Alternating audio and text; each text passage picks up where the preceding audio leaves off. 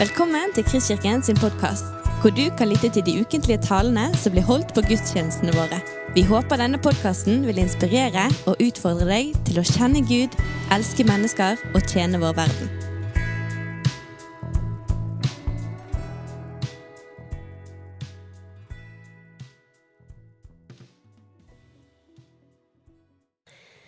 I dag skal jeg snakke om en av søndagsskoleheltene våre, og det er Caleb.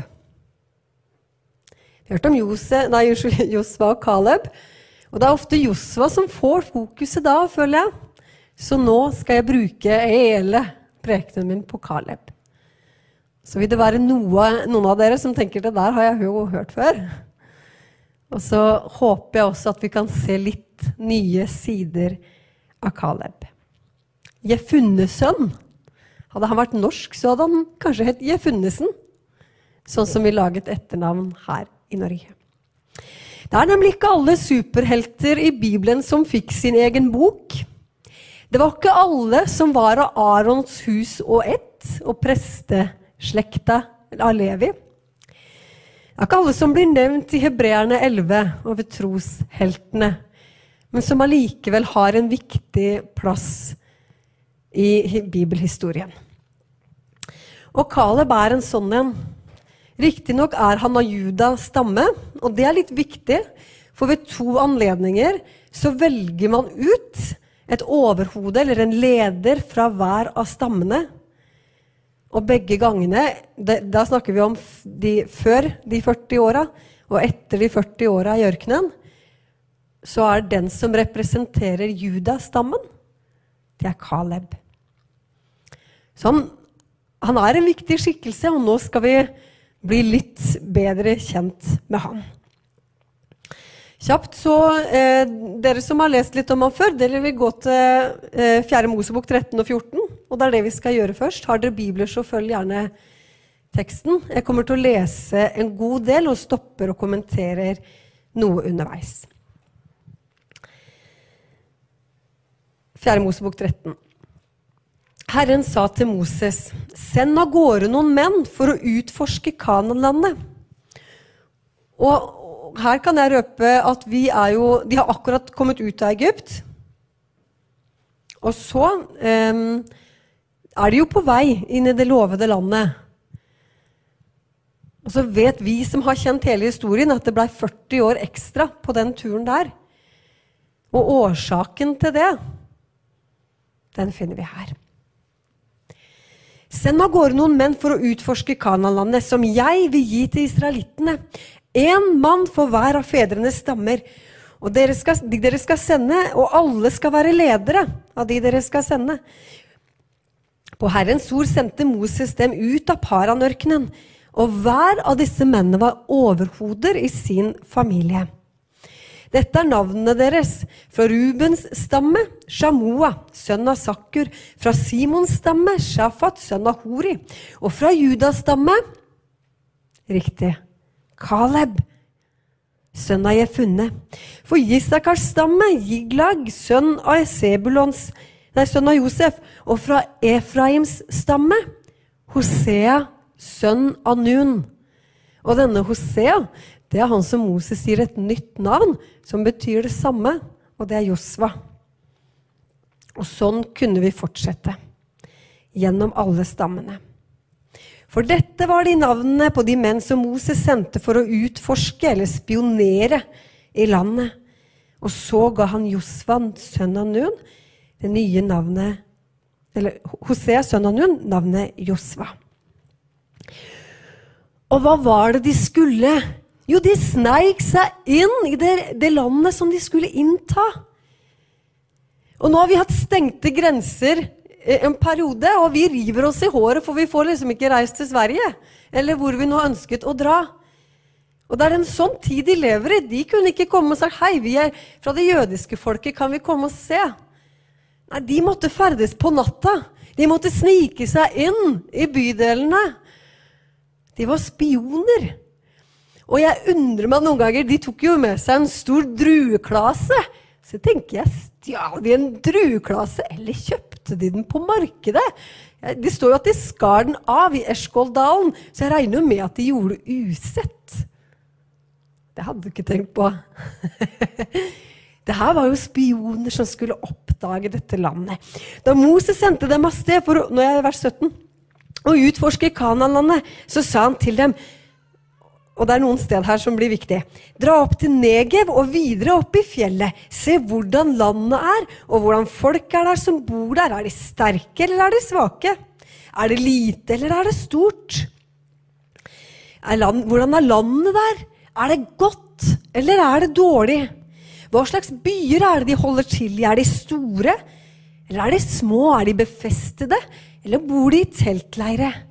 De kunne jo ikke bare google på internett. Ikke sant? Sånn som vi kan i dag. Og Google Maps og zoome inn på byer hvor vi ikke har tilgang. Nei, de måtte dra. Hvordan er jorden der? Er den fruktbar, eller er den mager? Vokser det trær der, eller gjør det det ikke? Vær modige og ta med noe av førstegrøden i landet. Det var tiden for de første druene dra, og så dro de av sted for å utforske landet fra Sin-ørkenen til Rehobot ved Lebohamat. De dro gjennom Negev, og de kom til Hebron. Og i Hebron var det anakitter.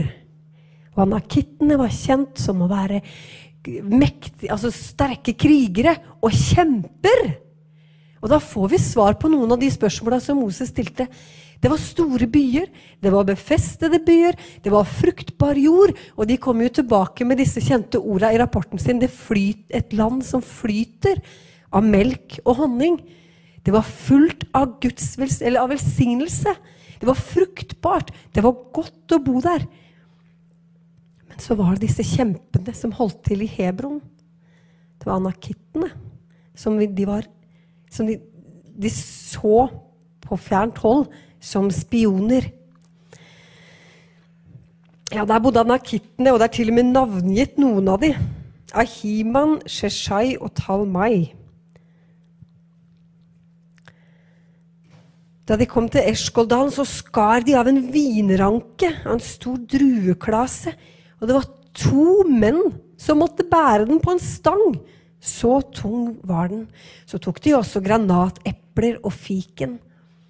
Dette stedet ble kalt Eshkoldalen etter denne drueklasa som israelittene bar på. Og de gikk rundt i 40 dager. 40 dager på spionreise før de vendte tilbake etter å utforske landet. Så kom de tilbake til Moses og Aron og hele gjengen i Kadesh Bernea i Paranørkenen. Der avga de rapport til hele menigheten, og de viste dem frukten de hadde med fra landet.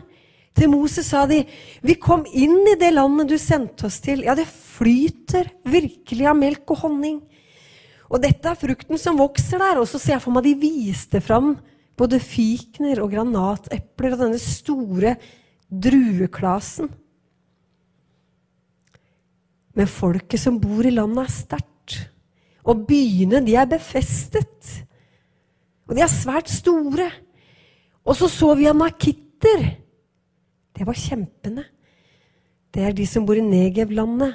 Og så bor det hetitter og jebushitter og amoritter og havet, ved havet langs jorda mot kanoneerne. Og jeg har noen ganger tenkt på hva snakka de om mens de gikk der og sneik seg rundt? Var det sånn at de fleste av de sa vet du hva, jeg vet ikke om jeg tør å gå videre? Eller var de samstemte om at det her er så godt og så stort, nesten for godt til å være sant, at Gud har lovet oss at vi skal innta dette landet? Begynte splittelsen allerede underveis? Og Bibelen gir oss ikke noe svar på hva som skjedde de 40 dagene i samtalene. Men det som vi fortelles, er det som kommer nå. At Caleb måtte roe folket ned foran Moses.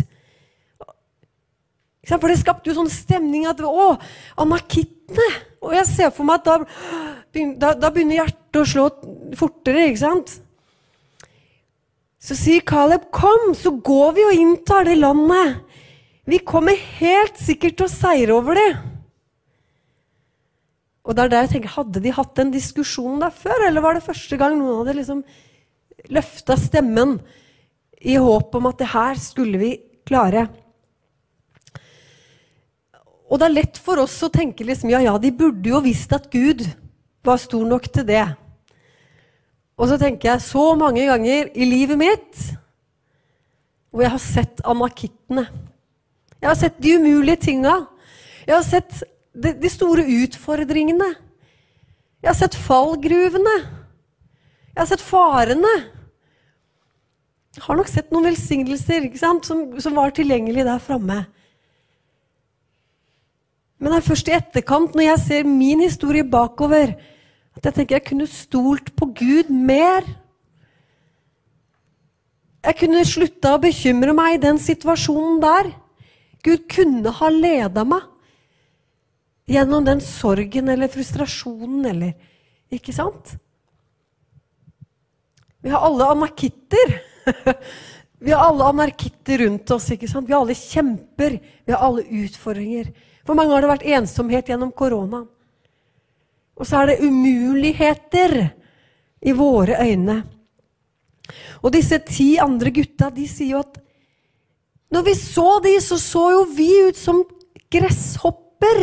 Så små var vi. Og så skal vi høre hva Caleb sier. De mennene som dro opp sammen med han, de sa vi kan ikke gå til angrep på dette folket. De er mye sterkere enn oss. Og de satte ut rykter blant israelittene eh, om landet de hadde utforsket. Og de sa det landet vi dro gjennom og undersøkte, ja, det er et land som fortærer de som bor der. Og hvis de fortærer de som bor der, hva gjør de da med oss som kommer for å innta landet? Alle de vi så, var stor, storvokste menn. Vi så kjemper. Og anakittene så vi også. I våre egne øyne var vi som gresshopper. Og så legger de til Og det tror vi de var i deres øyne òg. Å ja, mange har sett ned på oss. Mange har tenkt de kristenfolket de klarer ikke det her. De har undervurdert at vi har Gud, den allmektige, med oss. Og de brøt ut i høye rop, og de gråt hele den natten, og de klaget til Moses og Aron. Og hele menigheten ropte. Og det her vil dere kjenne igjen. Tenk om vi hadde fått dø i Egypt. Tenk om vi bare hadde fått gravene våre der. Hvorfor skal Herren føre oss ut i ørkenen for å falle for sverd, og kvinnene og småbarna våre skal bli krigsbytte? Og slaver, var det ikke bare bedre å vende tilbake igjen? Ja, la oss bare velge en annen leder enn Moses. Og så reiser vi tilbake igjen. Vi kan godt være slaver. Det har vi vært i, Det har vi vært i hundrevis av år. Og når det her skjer, det er da Moses kjenner igjen den ånden der. Det er ikke fra Gud. Og hvis det er én setning vi husker om Caleb, så er det jo nettopp at Caleb og Josfa de hadde en annen ånd. De hadde den ånden som kunne se ting sånn som Gud så det. De hadde en karakter som gjorde at de stolte mer på Gud enn omstendighetene.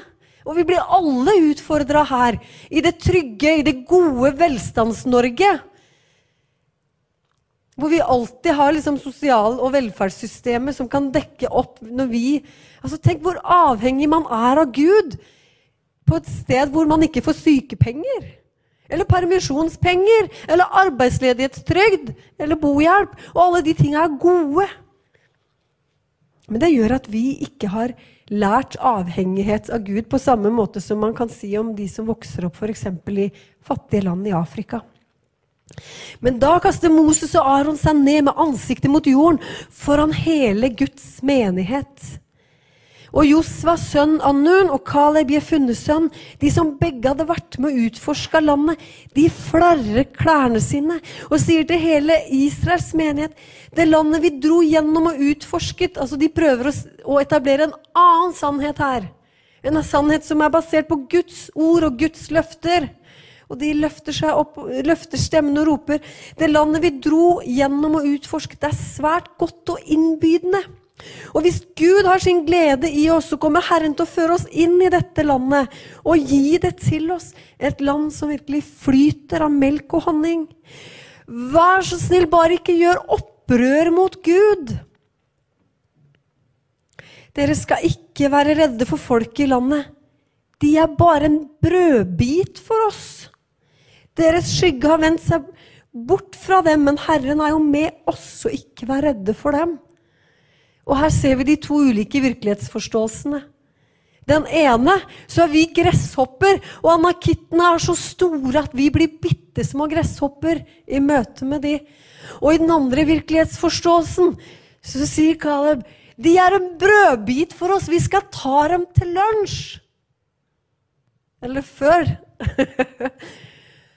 og jeg tror ikke Altså, jeg er helt ærlig overfor meg sjøl. Vet jeg ikke om jeg hadde trodd på det. Ikke sant? Hvor store trossteg har jeg tatt i møte med liksom, forfølgelse og farer og sånn? Og jeg føler jeg har alt å lære av mange av disse som lever i den forfulgte kirke. Og de mange følger jeg med, med, begge øynene overalt, holdt jeg på å si.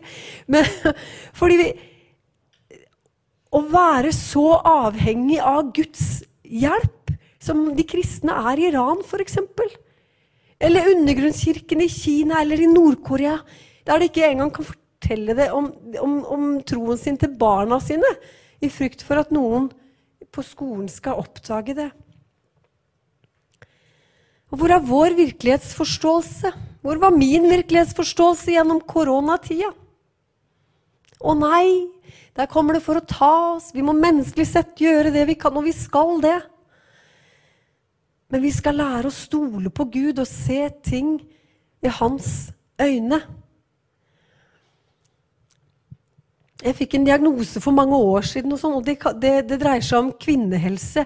Og jeg er så nysgjerrig at jeg vanligvis hadde gått rett til Google og funnet ut alt om denne diagnosen. Så ga Gud meg en trosgave til å stå imot. Så tenkte jeg nei, i Jesu navn. Den diagnosen skal ikke definere mitt liv eller familieliv eller fremtid. Og jeg har ikke gjort et eneste Google-søk. Og en, for meg så har det vært en gave i tro. Og så jeg, har Gud velsigna meg med to nydelige barn. Tok med Benjamin i dag, og vi har vært, som dere ser, så har vi vært i akvariet. Men menneskelig sett så var ikke det en selvfølge at vi skulle få barn. Og det var, det var en anakitt for meg. Men den trengte jeg ikke å holde fokus på. For Gud hadde en annen sannhet. Og så går Moses inn i forbønn for folket her. Og Gud sier nå er jeg litt lei av de her. Jeg kan utslette alle sammen, jeg, Moses, så kan jeg starte en ny ett med deg. Men Moses ber innstendig om at Gud skal tilgi folket. Og nå må jeg være over i kapittel 14. Ja. 14-13. Moses sa til Herren, egypterne har hørt det her er Moses sin bønn. Egypterne har jo hørt at du med din kraft førte folket opp fra landet deres. Og de har fortalt det til innbyggerne i dette landet. Så nå har innbyggerne i dette landet hørt, Herre, at du er midt iblant dette folket, og at du viser deg for dem øye mot øye, Herre. Når din sky står over dem, og at du går foran dem, og en, skysøyle om dagen og en ildsøyle om natta. Lar du dette folket dø her, alle som én, da kommer folkene som har hørt rykte om deg, til å si:" Herren makta vel ikke å føre dette folket til land som han hadde lovet dem? Han slakta dem jo heller ned i ørkenen. Men Gud, vis din store makt og din store nåde og tilgi folket. Og det gjør Gud. Men samtidig så sier han Ikke en av de som var med å fornekte løftet, fornekte min sannhet, fornekte det jeg ønsker med folket, skal komme inn. Og hadde vi lest alle disse tolv navnene i starten, så hadde vi kommet til det kapitlet her, så står det hver eneste en av dem omkom i ørkenen. Bortsett fra Caleb, og Josva. For de har en annen ånd i seg. Jeg har lyst til å utfordre oss. La oss søke en annen ånd. La oss be om å se ting sånn som Gud ser tinga. La oss vandre sammen med Den hellige ånd, så vi kan se den virkeligheten han ser, og ikke den virkeligheten vi ser. Jeg leser fra vers 20 og utover også. Da sa Herren, jeg tilgir deg, Moses, slik du ber om. Men så sant jeg lever, så sant Herrens herlighet fyller jorden. Ingen av disse mennene som har sett min herlighet, og sett de tegnene jeg har gjort i Egypt og i ørkenen, og som likevel har satt meg på prøve for tiende gang og ikke hørt på det jeg har sagt, sannelig ingen av dem skal se landet som jeg har lovet med ed til fedrene deres. Ingen som forakter meg, skal se det. Men Caleb, min tjener, han har en annen ånd i seg. Og han har fulgt meg trofast. Derfor vil jeg føre ham inn i det landet som han har vært i, og etterkommerne hans skal få innta det. Vi kan jo liksom se på Caleb fordi han er, han er helten her, ikke sant? Men det at til og med Gud kaller Caleb for trofast, det drar det inn i en ny dimensjon. Jeg vet ikke om, om, om Gud skulle liksom oppsummere livet våre. Tenk om han hadde sagt Annelise, hun har vært trofast, hun. Tenk å få Guds vitnesbyrd på at man har vært tro og trofast. Det er helt enormt. Tenk for et vitnesbyrd Caleb fikk. Når Gud sier at han har fulgt meg trofast. Og det er her. Så kommer vi til Josfa 14, og da har det gått 50 år til. 40 år i ørkenen. Og fem år liksom med, med, med inntaking av landet. Og Gud kaller fremdeles Caleb for trofast. Og tenk for en jeg vet ikke om jeg skal si prøvelse eller utfordring, men tenk for en, et liv 40 år ekstra i ørkenen for han. Som på en måte, Det var jo ikke, var ikke hans skyld. Da måtte Caleb og, og Josva gå 40 år i ørkenen for noe de ikke hadde deltatt i. Og jeg har tenkt, kan det være at Caleb ble bitter disse 40 årene? 40 år ekstra i ørkenen. Når han egentlig kunne sluppet unna. Men ørkenen det er den beste lære- og treningsstedet for oss. Tenk hva de lærte av å stole på Gud. Alle tegn og under de fikk se og oppleve. Tenk for en gave å ha vært i ørkenen sammen med Gud. Vi som har opplevd tvil og nederlag og sykdom og liksom prøvelser. Og så ser vi hvordan Gud drar oss gjennom det. Og i etterkant så sier mange gudsmenn og -kvinner jeg ville ikke vært foruten. Det kan være fengselsopphold. ikke sant? Det kan være helt forferdelige ting. Og så sier de jeg ville ikke vært foruten, for jeg lærte å kjenne Gud bedre i den perioden der. Jeg må gjennom litt i um ja, har litt til. 40 år senere, når de skal telle opp hæren og mønstre hæren igjen,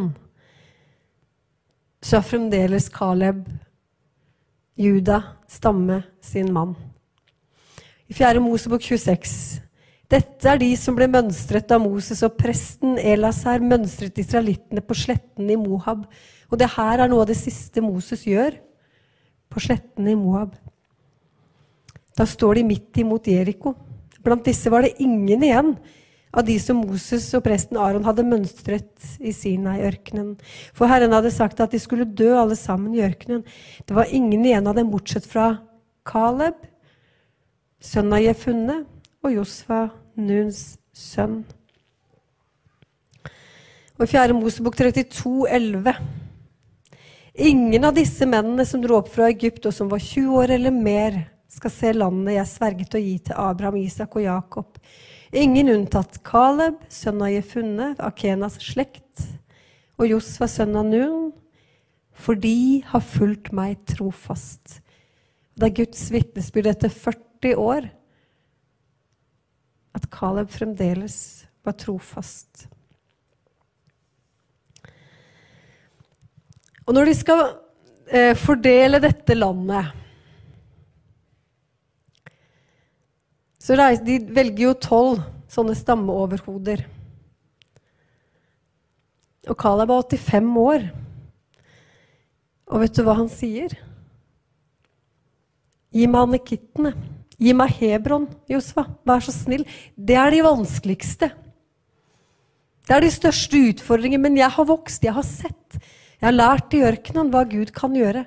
Så kom her med de. Og jeg har hørt vitnesbyrd også fra Den forfulgte kirke hvor de sier at nå de kan, eh, Det er nesten hva som helst av prøvelser, for nå har de gjennomgått så mye at de er forberedt på alt.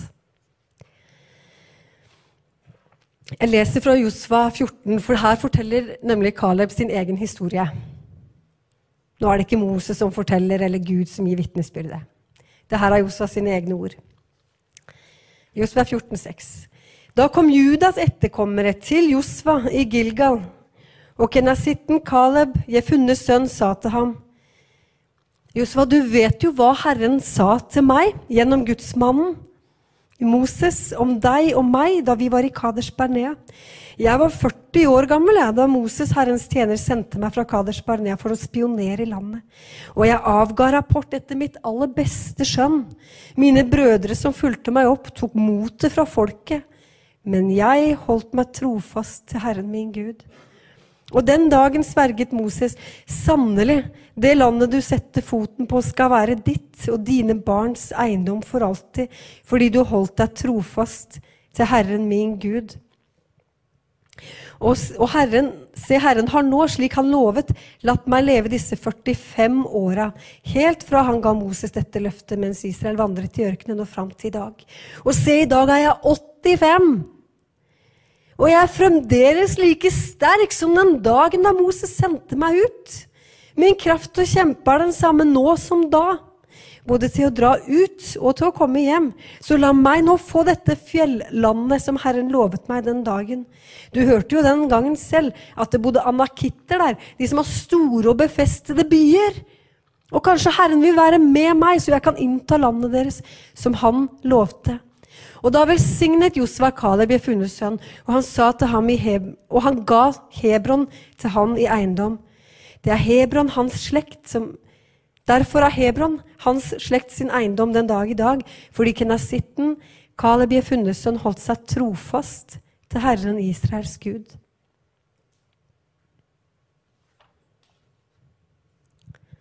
Og vet dere hva? Hvem var det som kjøpte Hebron og etablerte seg der? Hvem var trosfar og etterfaren, eller høvdingen, til det jødiske folket og til, til Caleb? Det var jo Abraham. Abraham kom og etablerte seg i Hebron. Han kjøpte denne eh, Makpela-sletten, eh, og der gravla han Sara. Og jeg husker jeg oppdaga det, jeg grøsset på ryggen. Tenk at når av alle de stedene Caleb kunne velge mellom i det lovede landet, så sier han jeg skal ha Hebron, der Abraham var, der troen min kommer fra, der identiteten min er. Hebron skal jeg ha. Det er der hjertet mitt og folket mitt skal bo. Og da denne boka Josfa ble liksom forsegla Og Hebron er jo nå Vestbredden, og det er ikke en del av Ja, det er jo Vestbredden. Eh, og der ligger jo Abraham gravlagt, ikke sant? Men det var der. Tenk at der etablerte Abraham seg. Og senere finner vi enda en troshelt som etablerte seg i Hebron. Israels største konge, kong David. Han var jo på flukt fra kong Saul gjennom mange år. Og da Saul døde, så ble det jo krig mellom Davids folk og Sauls sine folk. Og David spurte helt i starten, rett etter Saul var død, Gud, hvor skal jeg nå dra? Hvor skal jeg etablere meg? Da hadde han vært på flukt og gjemt seg i Siklag i mange år. Og så sier Gud, David reis til Hebron og etabler deg der. Og David regjerte i sju år i Hebron, og senere 33 år fra Jerusalem. Men Hebron var en trenings, eh, en trenings, et eh, treningsanlegg. Skal jeg ikke si det sånn? Der, der trente og der lærte David lokal ledelse. Og så ble det jo nasjonalt, og det ble stort, og det ble det kongedømmet som vi alltid vil være liksom stjerna i den jødiske historie. Han fikk barn der. Han fikk jo seks sønner og hadde mange koner. Eh, men, men, Hebron ble et sted hvor han utvikla troen, trofastheten. Og kanskje ble salmene, flere salmer også skrevet der. Hva kan vi lære av Caleb? Jo, han står i en rekke av troshelter. Av superhelter fra Det gamle testamentet, som også var hverdagshelter. Som var trofaste fra år til år til år. Og jeg må si jeg beundrer mennesker. Jeg, jeg ser så opp til de som har levd med Herren i 30, 40 og 50 år og vist troskap. For jeg har sett nok av, av, av, av de som starter godt og får ledende posisjoner, og så ender de ikke godt. Da vil jeg heller være som Caleb og leve trofast gjennom 45 år. Og til og med tenk å få et vitnesbyrd når Gud sier denne personen Du har fulgt meg trofast.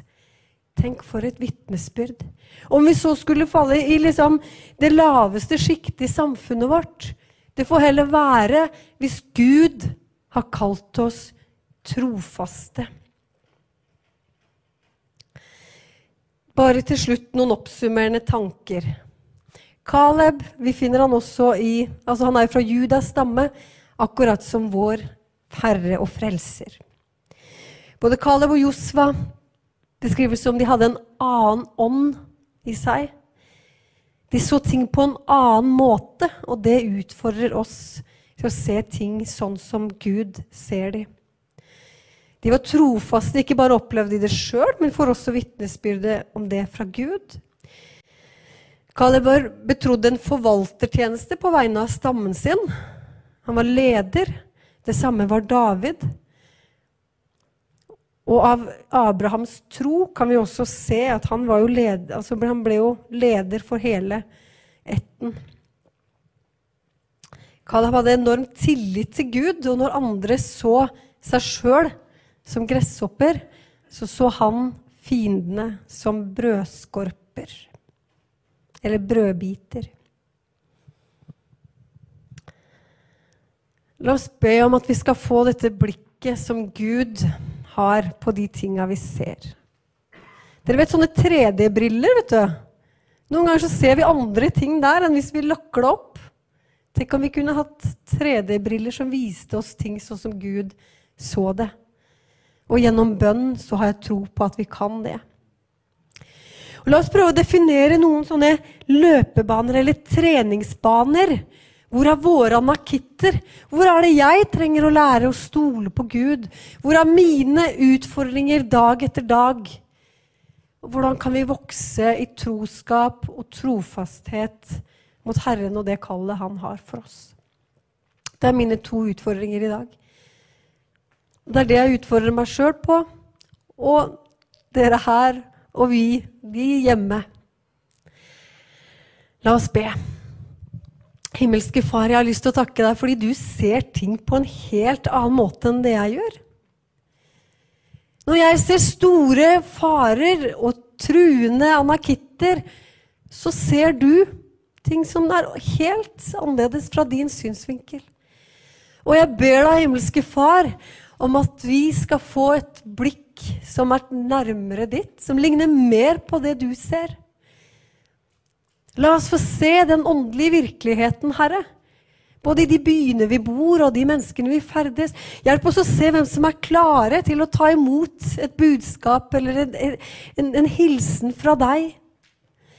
La oss se, Herre, de menneskene som er klare, Herre, de som, som søker, som vi kan komme nær.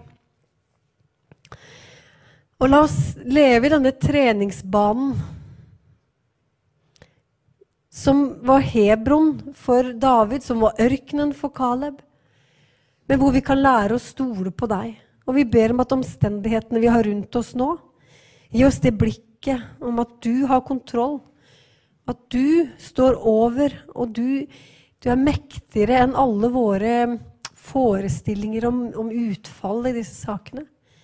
Og nå ber vi deg i Jesu navn om mot, om styrke, om trofasthet, Herre.